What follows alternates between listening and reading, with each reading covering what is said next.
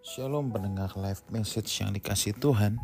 Injil Matius pasal yang ketujuh ayat yang ketiga. Demikian firman Tuhan Mengapa engkau melihat selumbar di mata saudaramu Sedangkan balok di dalam matamu tidak engkau ketahui?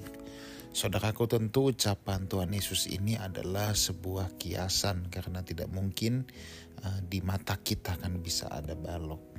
Hal ini adalah kiasan bahwa kita harus yang namanya mengkoreksi diri. Kita perlu apa yang namanya melihat ke dalam. Orang yang melihat ke dalam adalah orang yang merenung, orang yang suka berkontemplasi. Nah, saudaraku, terbanyak orang kecenderungan selalu melihat keluar, bukan melihat ke dalam. Tetapi prinsip kekristenan selalu saya katakan inside out dari dalam keluar. Bukankah di kitab Amsal juga berkata jagalah hati dengan segala kewaspadaan sebab dari sanalah terpancar kehidupan. Apa yang harus dijaga? Yaitu apa yang ada di dalam. Kita punya kecenderungan akan dengan mudah melihat keluar, akan dengan mudah menyalahkan keadaan, akan dengan mudah menyalahkan kiri kanan.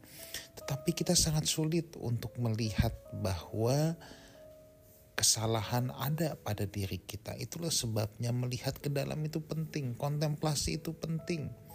Ada satu prinsip saudara, ya, bahwa kita selalu harus mencurigai dalam tanda petik ya, dalam tanda petik yang positif, kita harus mencurigai dalam tanda petik bahwa sumber masalah yang terjadi adalah diri kita sendiri saya mengatakan ini bukan kita menjadi orang yang kecanduan tuduhan, tidak. Artinya, setiap ada masalah yang terjadi dalam hidup kita, ya, entah itu uh, masalah dengan hubungan-hubungan atau masalah uh, penderitaan berat yang kita alami, hal pertama yang harus kita lakukan adalah melihat ke diri sendiri. Kita perlu mencurigai diri sendiri. Jangan-jangan kita lah the first cause of the problem Jangan-jangan kita sendirilah sumber dari masalah itu.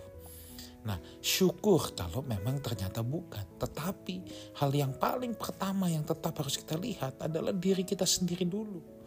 Bukan nyalain keadaan dulu, bukan ngeliat keluar dulu, bukan karena si ini, karena si anu, karena si itu, karena si dia.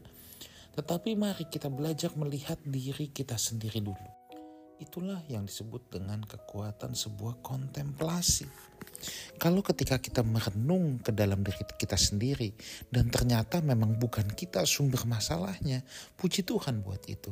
Tetapi ketika kita merenung bahwa kita sumber masalah atau kita juga punya andil dalam permasalahan itu, mari kita bertobat, mari kita memperbaikinya, saudaraku.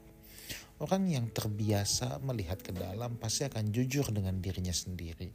Seringkali kita sulit untuk jujur bahkan sulit untuk jujur kepada diri kita sendiri.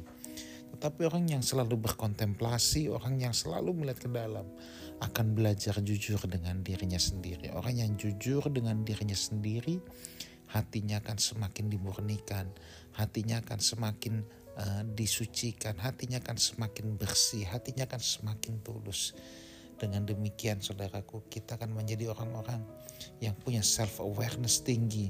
Kita orang yang melihat ke dalam sehingga apa yang ada di dalam kita kuat, apa yang ada di dalam kita bersih, maka apa yang keluar dari tindakan-tindakan kita juga adalah bersih. Kiranya Tuhan Yesus menyertai kita semua. Hallelujah.